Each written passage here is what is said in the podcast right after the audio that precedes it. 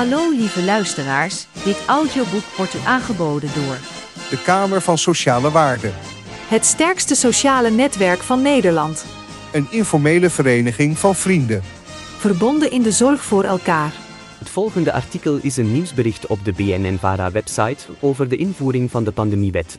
Genaamd de Eerste Kamer geeft minister Kuipers D66 groen licht om bij nieuwe pandemiebeperkingen in te voeren.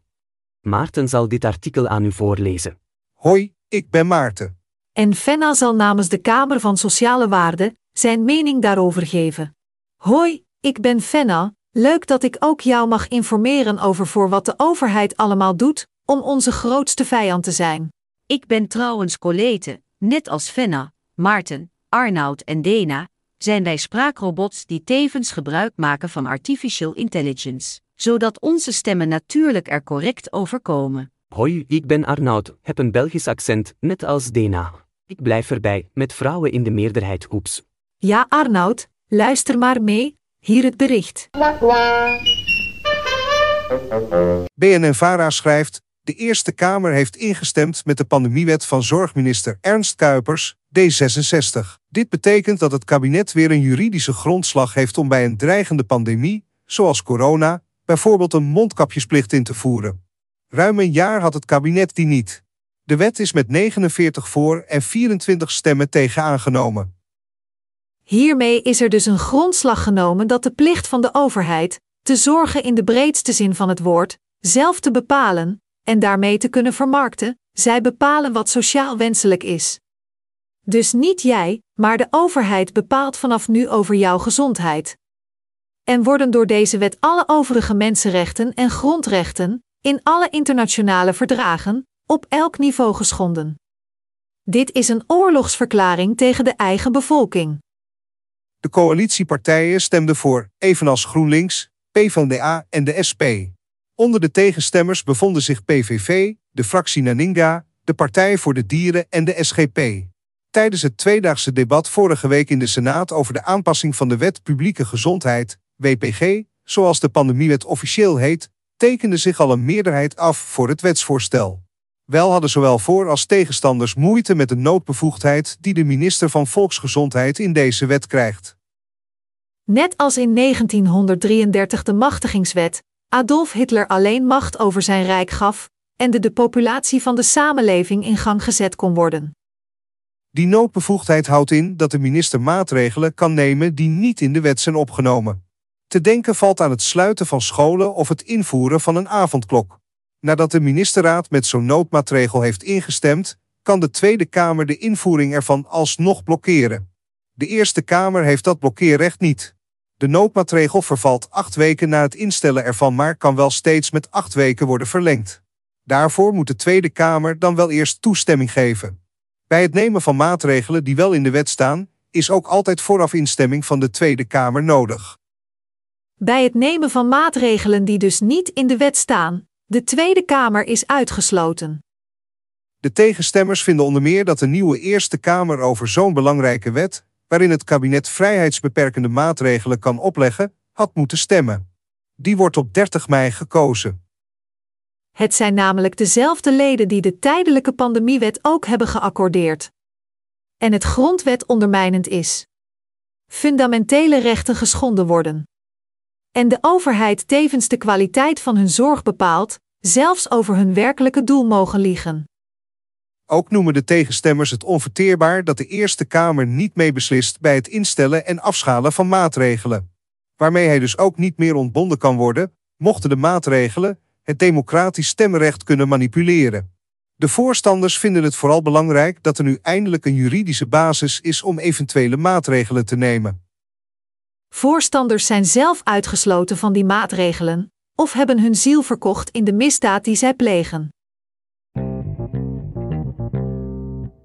Luister ook naar de boodschap aan het einde van dit bericht. Stichting Vaccinvrij, uitleg pandemiewet, wat hangt ons boven het hoofd afkomstig van de pagina www.stichtingvaccinvrij.nl slash uitleg pandemiewet, wat hangt ons boven het hoofd, door Joris Baas 28 Hetil 2023 COO Fit. 19 ziekte, pandemiewet, rechten. Het lijkt er momenteel op dat de Eerste Kamer het wetsvoorstel, dat in de volksmond pandemiewet is gaan heten, zal goedkeuren. Deze pandemiewet bestaat uit een aantal artikelen die opgenomen zullen worden in de Wet Publieke Gezondheid, WPG. Deze artikelen lijken in grote mate op de spoedwet die in de coronacrisis tijdelijk onderdeel was van de WPG.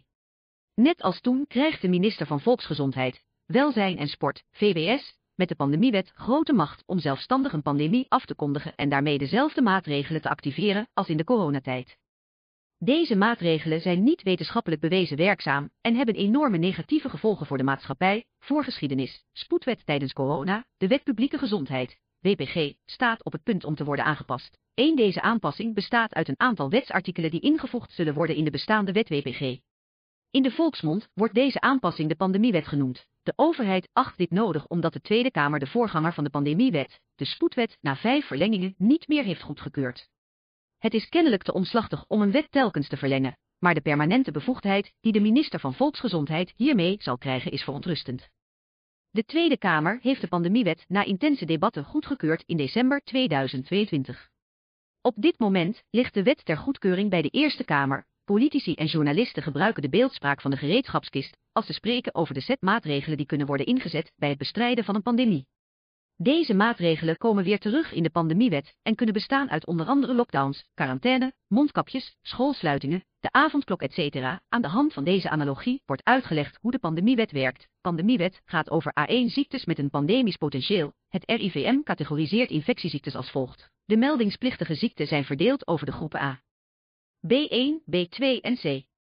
Deze indeling is gebaseerd op de mate waarin dwingende maatregelen opgelegd kunnen worden om de bevolking te beschermen. RIVM, de toekomstige pandemiewet, wordt een onderdeel van de veel meer omvattende wet publieke gezondheid, WPG, en maakt een onderverdeling van A-ziektes in A1 en A2-ziektes. De pandemiewet gaat alleen over A1-ziektes. Een infectieziekte wordt als groep A1 aangewezen als de ziekte een pandemisch potentieel heeft. De pandemiewet is een slapende wet en de minister van VWS heeft de bevoegdheid om hem te activeren. In een normale situatie wordt de pandemiewet niet gebruikt. Hij is bedoeld voor noodsituaties, zoals een pandemie of de dreiging daarvan. Een aantal artikelen in de wet beschrijven de maatregelen die genomen kunnen worden bij het uitbreken van een pandemie. In het geval van een uitbraak of zelfs een dreiging daarvan, zal de minister van Volksgezondheid de wet eerst in werking stellen. Dit doet hij op basis van artikel 20 die de minister de bevoegdheid geeft de pandemiewet te activeren. De specifieke ministeriële regelingen vult de minister zelf in. De wet schrijft per artikel bepaalde maatregelen in algemene termen voor. Op basis van artikel 58c heeft de minister de bevoegdheid om zogenaamde ministeriële regelingen af te kondigen. Dat houdt niet alleen in dat hij bepaalt wanneer de maatregel, omschreven in een artikel, in werking treedt. Hij geeft er ook een specifieke invulling aan. Met andere woorden, hij beheert zowel de start- en stopknop als de details van de maatregel die hij zelf invult. In de pandemiewet staat bijvoorbeeld het artikel 58g dat hygiënemaatregelen beschrijft. In de praktijk wordt hier het dragen van mondkapjes mee bedoeld. De details die de minister kan invullen zijn bijvoorbeeld welke soort mondkapjes verplicht worden, in welke situatie, op welke locaties, wel of niet voor kinderen, etc. Dat betekent dat hij dus enorm veel te zeggen heeft over hoe het dagelijks leven van de gehele bevolking eruit gaat zien. In theorie heeft er Tweede Kamer wel inspraak, maar in de praktijk, tijdens de afgelopen coronajaren, is daar niet veel van terechtgekomen. De oppositie stemde grotendeels braaf mee met de coalitiepartijen en gaf hiermee in tijden van crisis de regering ruim baan. Noodbevoegdheid, artikel 58d, voor nog onbekende situaties bij een toekomstige pandemie, is een noodbevoegdheid aan de minister toegekend, waarmee hij of zij binnen de grenzen van de wet naar eigen goeddunken nog ongekende maatregelen kan opleggen aan de bevolking. Rapportageverplichting aan de hoe, artikel 12, nu al staat in artikel 12 van de huidige WPG dat de minister verplichtingen heeft naar de Wereldgezondheidsorganisatie, hoe, wat betreft het melden van gevallen van infectieziekten. Dit is geregeld in de internationale gezondheidsreguleringen, IHR. Artikel 12 vermeldt, onze minister draagt ervoor zorg dat aan de informatieverplichtingen, voortvloeiende uit de internationale gezondheidsregeling, wordt voldaan, bezwaren tegen de pandemiewet. Een aantal organisaties, zoals de Biomedische Rekenkamer, bestaande uit een groep van kritische wetenschappers, de vierde golf een beweging van politiek links ontheemde, de partij Forum voor Democratie, journalisten en bezorgde burgers, hebben ernstige bezwaren geuit tegen het wetsvoorstel. Martijntje Smit van de vierde golf heeft in haar rol van wetenschapsfilosoof deze bezwaren op 14 maart jongstleden nogmaals geuit tijdens een deskundige bijeenkomst van de Eerste Kamer. Een aantal bezwaren is eerder op 8 januari 2023 op de website van de andere krant gepubliceerd naar aanleiding van een uitgebreide brief aan de Eerste Kamer van journalist Erik Overveen. Nogmaals de belangrijkste punten met aanvullingen. 1. De coronamaatregelen zijn niet geëvalueerd, toch staan ze voor het overgrote deel weer in de wet. De Onderzoeksraad voor Veiligheid, OVV, heeft twee kritische rapporten uitgebracht over de coronacrisis. De werkzaamheden aan het derde rapport zijn op 8 maart 2022 gestart, maar nog niet gepubliceerd. De parlementaire enquêtecommissie die de coronacrisis gaat evalueren, loopt grote vertraging op. Pas vanaf mei 2025, na de geplande verkiezingen voor de Tweede Kamer, zullen de openbare verhoren beginnen. Naar verwachting moeten hoofdrolspelers als Hugo de Jonge, Mark Rutte, Jaap van Dissel en Ernst Kuipers opdraven, meldt het parool verhoren van Hugo de Jonge. Voormalig minister van VWS en minister-president Rutte zullen ernstig benadeeld worden door het verlopen van de tijd. Daarnaast lopen de onderzoeken naar de oversterfte van de jaren 2021 en 2022 in Nederland vertragingen op door geldgebrek en een onwillige overheid die niet bereid is om de data te verstrekken. Moet de oorzaak van de oversterfte niet eerst boven water? Zonder deze evaluaties kan niet worden vastgesteld of de maatregelen, zoals die in de wet zijn omschreven, werkzaam bleken en niet overmatig schadelijk waren voor de maatschappij. Andersom zijn er niet officiële evaluaties en wetenschappelijk onderzoek die erop wijzen dat maatregelen vaak niet werkzaam waren en juist zeer schadelijk voor individuen en maatschappij. Zoals Martijntje Smit bepleitte op 14 maart in de Eerste Kamer. 2. Gezamenlijk effect maatregelen zorgt voor onmeetbaarheid individuele maatregelen. Het RIVM beweerde op 24 februari 2021 dat de werking van de avondklok in samenhang gezien moest worden met andere maatregelen, zoals bezoekbeperkingen. Je kunt die twee niet los van elkaar zien, zei voorman Jaap van Dissel in Trouw. De biomedische rekenkamer wijst erop dat deze redenering van effect van gezamenlijke maatregelen in de nieuwe wet terechtkomt. Het gezamenlijke effect van maatregelen als toepassingsrechtvaardiging houdt geen stand, omdat op die basis elke maatregel, hoe bizar ook, kan worden gerechtvaardigd. 3. De regering rapporteert aan een niet onafhankelijk hoe, bestaand WPG artikel 12, nu al schrijft de WPG voordat de minister aan de hoe moet rapporteren, onze minister draagt daarvoor zorg dat aan de informatieverplichtingen, voortvloeiende uit de internationale gezondheidsregeling, wordt voldaan. Het is begrijpelijk dat medische informatie willen verzamelen over het ziekteverloop van een wereldwijde pandemie. De hoe is echter geen democratisch instituut en staat met name door de wijze waarop zij wordt gefinancierd steeds meer onder invloed van belanghebbenden in de farmaceutische wereld. De in de wet genoemde internationale gezondheidsregeling, IHR, wordt door de lidstaten op dit moment ook aangepast. Uit de voorgestelde aanpassingen blijkt dat de IHR de grondrechten steeds minder in acht neemt en de bestaande democratie ondermijnt door hen beslissingen op te leggen. Het is onwenselijk om steeds meer macht weg te nemen van de Nederlandse bevolking en die bij een internationaal ondemocratisch instituut neer te leggen. 4. Opheffing medisch geheim, bestaande WPG artikel 66. De wet verplicht huisartsen om privégegevens met de autoriteiten te delen, op straffen van maximaal 4500 euro boete of twee maanden gevangenisstraf. Overveen, de arts overlegt uw burgerservice-nummer bij een verdenking van een mogelijke ziekte. Dat geldt ook voor uw naam, geboortedatum, adres, uw vaccinatiestatus. De vermoedelijke infectiebron, de datum van het vermoeden en uw beroep als dit te maken heeft met eten, drinken, verpleging of verzorging van andere personen. Zo staat het al in de WPG en dit is een hellend vlak wat betreft privacy, mede gezien de bovengenoemde verplichtingen naar de hoe 5. Verplichte quarantaine, wetsvoorstel 58 erbij inreizen, bestaande WPG artikel 1, bij inreizen in Nederland kan thuisquarantaine geëist worden, 58R. Overveen wijst in zijn brief op het feit dat de burgemeester ertoe kan besluiten positief geteste mensen en al hun contacten in quarantaine te plaatsen in een gebouw, schip of in een aantal aangewezen ruimte daarbinnen, zo staat in artikel 1. 6.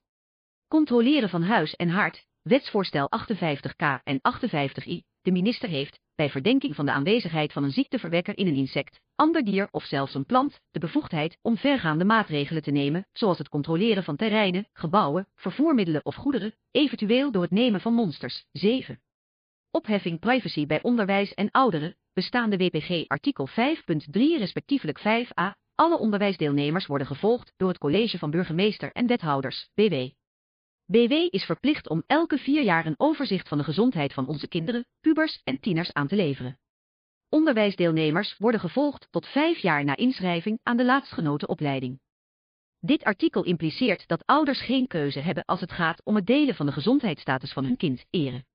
Ook de oudere gezondheidszorg wordt verplicht ouderen op systematische wijze te volgen. 8. Vaccinatie is opnieuw de enige oplossing, bestaande WPG 6b. De coronavaccins hebben in het beste geval maar voor een zeer beperkte doelgroep heel kortstondig gewerkt. Tegen besmetting en overdracht hebben ze niet gewerkt. De aanwijzingen voor ernstige tot dodelijke bijwerkingen stapelen zich ondertussen op. De voortdurende boosters schaden de algemene gezondheid. Overveen merkt in zijn brief op dat in paragraaf 4, infectiebestrijding, artikel 6b. Lid 1 wordt vermeld dat een vaccinatieprogramma wordt vastgesteld. De minister draagt via het RIVM zorg voor de regie en de coördinatie van de uitvoering, alsmede de registratie, bewaking en evaluatie van het vaccinatieprogramma. Waar beschrijft de wet de rol van andere middelen, zoals in het geval van COVID-19 de HCQ en ivermectine-protocollen. Deze waren veilig en 62% effectief bij vroegbehandeling en hadden de druk op de ziekenhuizen goed kunnen verlagen, maar zij werden verboden. 13. Het boek De Real Anthony Fauci, pagina 17, van de Amerikaanse advocaat en presidentskandidaat Robert Kennedy stelt het nog scherper voor aanstaande artsen en wetenschappers, waaronder enkele van de meest gepubliceerde en ervaren artsen en eerste lijns COVID-specialisten van ons land. Zoals McCullough, Corey, Raayen, Cole, David Braunstein en Rich denken dat Dr. Fauci's onderdrukking van vroegbehandeling en of label remedies verantwoordelijk is voor 80% van de sterfgevallen die werden toegeschreven aan COVID. 9. Noodbevoegdheid, wetsvoorstel 58d. In de wet is een zwaar bediscussieerde noodbevoegdheid, 58d, ingebouwd. Minister Kuipers verdedigt deze maatregelen in een Kamerbrief van 16 december 2022, door te stellen dat je nooit kan weten waartoe een nieuwe aaninfectieziekte noopt. Als deze wet in werking treedt, dan heeft vanaf dat moment de minister de bevoegdheid om zonder instemming van het parlement een totale lockdown af te kondigen, wanneer dat naar het oordeel van de minister noodzakelijk is. Al dus FVD-Kamerlid Gideon van Meijeren. Het grote gevaar schuilt hier in het feit dat de minister nu nog onbekende zware maatregelen kan doorvoeren met een parlement dat daar in theorie iets aan kan doen, maar in praktijk heeft bewezen niet kritisch te zijn in noodsituaties. 10. Parlementaire zeggenschap is minimaal blijkt in de praktijk, Wanneer de minister een maatregel invoert via de ministeriële regelingen, mag het parlement deze binnen een week afwijzen, zo staat in artikel 58c lid 2. In praktijk hebben we gezien dat dit niet gebeurt.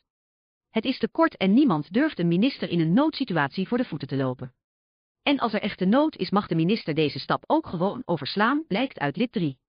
14.11. Geen oog voor maatschappelijke schade, wetsvoorstel artikel 58b, de vierde golf wijst op het beperkte toetsingskader van de wet, 58b.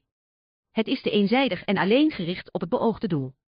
De maatschappelijke gevolgen en schade van maatregelen zouden onderdeel moeten zijn van het toetsingskader, 12. De pandemiewet is overbodig. De vierde golf wees op een passage uit de memorie van toelichting van de spoedwet van 18 juli 2020, ook wel het tijdelijk hoofdstuk VA, 5a van de WPG, de voorganger van de pandemiewet. Het einde van een epidemie is moeilijk precies vast te stellen, omdat het virus aanwezig blijft en hernieuwde uitbraken niet kunnen worden uitgesloten. De directe dreiging van de ziekte kan echter ook verminderd worden door de beschikbaarheid van een goede behandeling of geneesmiddel en door verhoging van de weerstand in de samenleving. Bijvoorbeeld met een vaccin. Zodra de situatie het mogelijk maakt, worden de vastgestelde maatregelen afgeschaald. Op het moment dat er ook van een directe dreiging geen sprake meer is, kan hoofdstuk VA vervallen. 15. Hieruit blijkt volgens de vierde golf dat de tijdelijkheid van de wet een terechte beslissing was. Het ging om een noodsituatie waarbij grondrechten ernstig belemmerd werden. Niet iets om in een permanente wet om te zetten. 15. 13. De wet is mogelijk in tegenspraak met de grondwet. Onder juristen is de discussie gaande of een minister wel via een ministeriële regeling beperkingen mag stellen aan de grondwet. Sommigen stellen dat beperkingen aan grondrechten slechts via wetten door het parlement mogen worden goedgekeurd. 16. Al met al hebben we te maken met een situatie die een permanente bedreiging vormt voor burgerrechten en vrijheden. Oproep. Kom in actie, schrijf een brief naar de Eerste Kamerleden voor 16 mei 2023 de waarschijnlijke datum voor een plenair debat over de pandemiewet. Hieronder treft u enkele voorbeelden, BMRK, biomedische ikdeburger.nl, https, slash slash, wet die je niet wilt.nl slash alarmbrief aan de Eerste Kamer, leden slash, de andere krant, brief Erik Overveen. Dit geluidsbestand wordt u aangeboden door de Kamer van Sociale Waarden. Een informele vereniging van vrienden, verbonden in de zorg voor elkaar, u staat vrij dit bestand te delen, door een sociaal netwerk en een denktank te zijn, faciliteert de Kamer van Sociale Waarden de bottom-up samenleving, waarbij we streven naar één samenleving gebaseerd op de menselijke normen en waarden.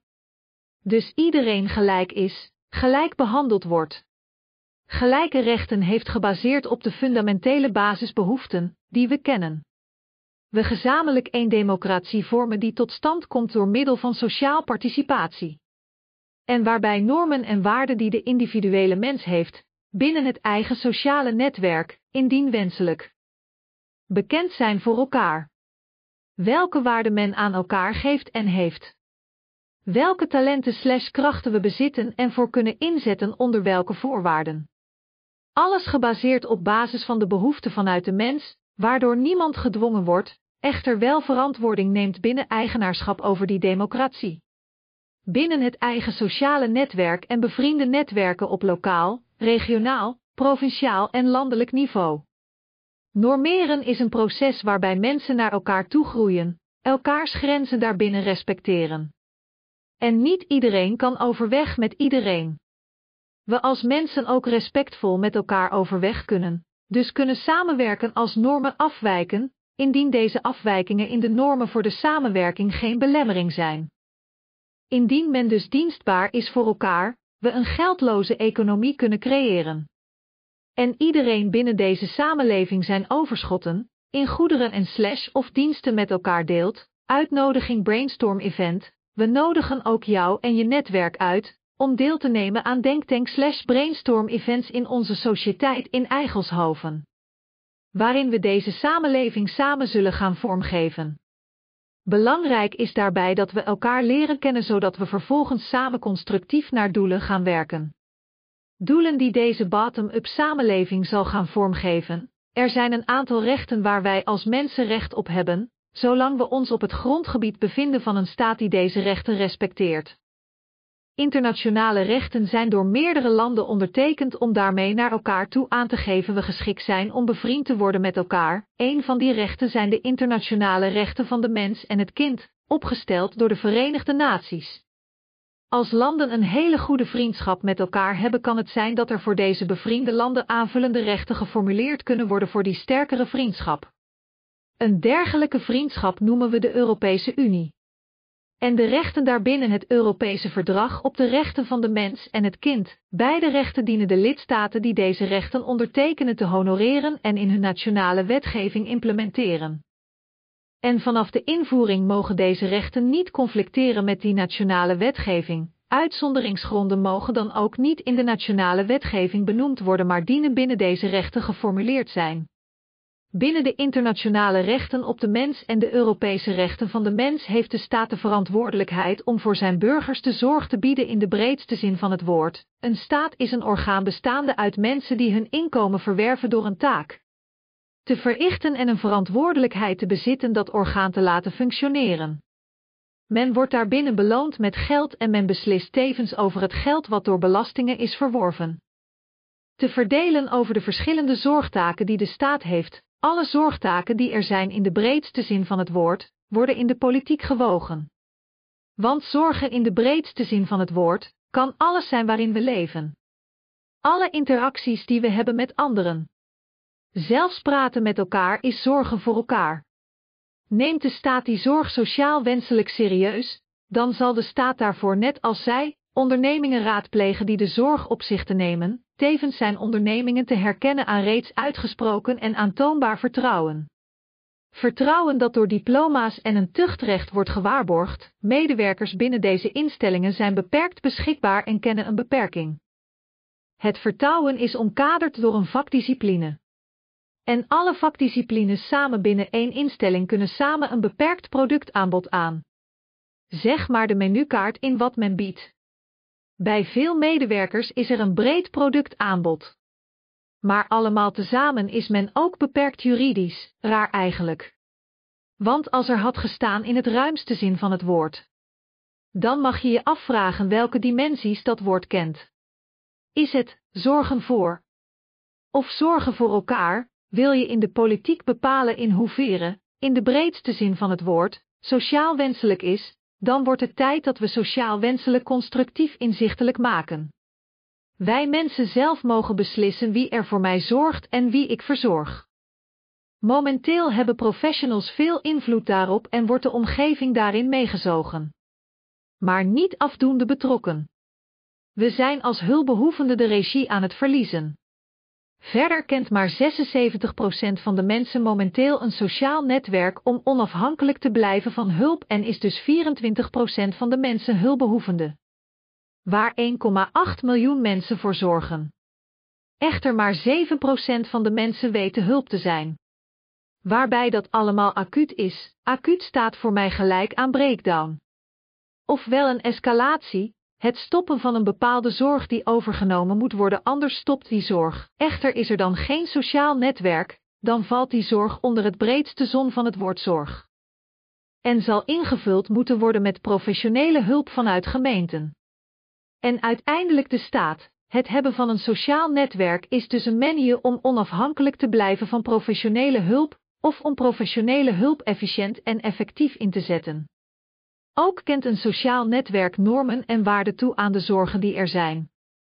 Zeg maar, de meetlat die we langs de zin van het woord leggen, doen we dat niet, dan zal de breedste zin van het woord zorg kapitalistisch bepaald worden en wordt het momenteel ook kapitalistisch ingevuld. Men moet ziek zijn om hulp te krijgen en een diploma bezitten om hulp te bieden, en die diploma's bepalen veelal ook de normen en waarden die ik aan een zorg moet toekennen als ik beroepsmatig die taak als zorgverlener bied. Echter als mantelzorger acteer ik vanuit het perspectief gezond te zijn en die gezondheid te onderhouden. Dus niet om de symptomen van een ziekte te onderdrukken, maar de gezondheid te bevorderen. In onderhoudstechniek noemen we dat preventive maintenance. Waarvan gezegd wordt het 40% maintenance kostenreductie veroorzaakt. We dus als mensen onszelf onderhouden zodat we niet ziek worden, mag 60% kosten wat het momenteel kost zolang het 100% acute situaties voorkomt. En men niet wil vervallen in een systeem waar alleen perfectie bestaat en prudentie niet gedragen kan worden, bij de Kamer van Sociale Waarden geldt dat we het inzicht hebben in normen en waarden en die normen en waarden gezamenlijk waarborgen. Door de eigen regie te blijven bezitten, je erkend wordt in je krachten en deze binnen het netwerk kunt profileren en inzetten. We bieden daarvoor reeds een informele vereniging van mensen die tezamen elkaar weten te vinden in de eigen zorg en de zorg naar elkaar, eigen waarde kennen behoeften. Waar de verbintenis, of beter gezegd de eigenaarschap van de verbintenis een essentieel onderdeel van is. De verbintenis waarde toekent en normen hanteert. De Kamer van Sociale Waarden nodigt iedereen uit die geïnteresseerd is in zijn eigen waarden, om daarin van gedachten te wisselen. Een sociaal netwerk zijn mensen in je omgeving die jou kennen, meer mogen weten dan een vreemde, van elkaar. Omdat je met elkaar een verbintenis bent aangegaan. Jou bijstaan als je daarom vraagt. Andersom uiteraard ook, jij je beseft, jij jullie verbintenis weet te sterken, door je eigen krachten in te zetten, daarvoor is wederzijds vertrouwen nodig. Erkenning van elkaars talenten maar ook van elkaars zorgen. Als die zorgen vragen om samen naar een oplossing te zoeken. Je bent daarin een mens voor elkaar. Kent door die verbintenis-eigenaarschap in de zorg voor elkaar, aangezien veel mensen niet een dergelijk sociaal netwerk bezitten, gaat men in de zorg voor jezelf en de kinderen afhankelijk zijn van die beroepsmatige zorg. Zorg die productgericht is en de persoon behandelt. Een zogenaamde professionele afstand kent. Wat voor de mens, die veel meer behoeften heeft, nooit tot herstel kan leiden. Het eerder een symptoombestrijdende is. Is daardoor de professional gediend met het feit dat een sociaal netwerk nodig is in al zijn deskundigheid, daarbij zijn wij in de zorg die wij kennen, het meest geholpen preventief onze zorg in te richten. Zodat we gezonder leven, hebben we meer inzichten, weten we waar en met wie we welke zorg delen. En ervaren dat, als de omgeving die het best aansluit bij hun zorg. En hebben dus ook minder professionele zorg nodig. We noemen dat externe planmatige of acute zorg die we door de gezonde behoeften te voorzien, voorkomen, door als netwerk met elkaar te opereren. Kan je elkaar maar ook de professional de gelegenheid bieden bij elkaar te komen. En gezamenlijk activiteiten te ontplooien. Denk aan het vormen van een coöperatie van eigen ondernemingen, Mag ik me aan jou voorstellen? En wie ben jij? Wie is jouw sociale netwerk? Waar kan je hen voor vragen? Zijn er zorgen die je al met elkaar deelt? Weet je zeker dat zij en jij voor elkaar klaarstaan? Zijn jullie in alle zorgen constructief? Het dat inzichtelijk voor iedereen die er onderdeel van is? Wat zijn je talenten? En waar liggen je grenzen en waar liggen de grenzen van je huidige netwerk? Wat wil je graag bereiken? Gebruik je daarvoor ook mensen uit je eigen netwerk, en vooral. Waar kunnen we elkaar in bijstaan?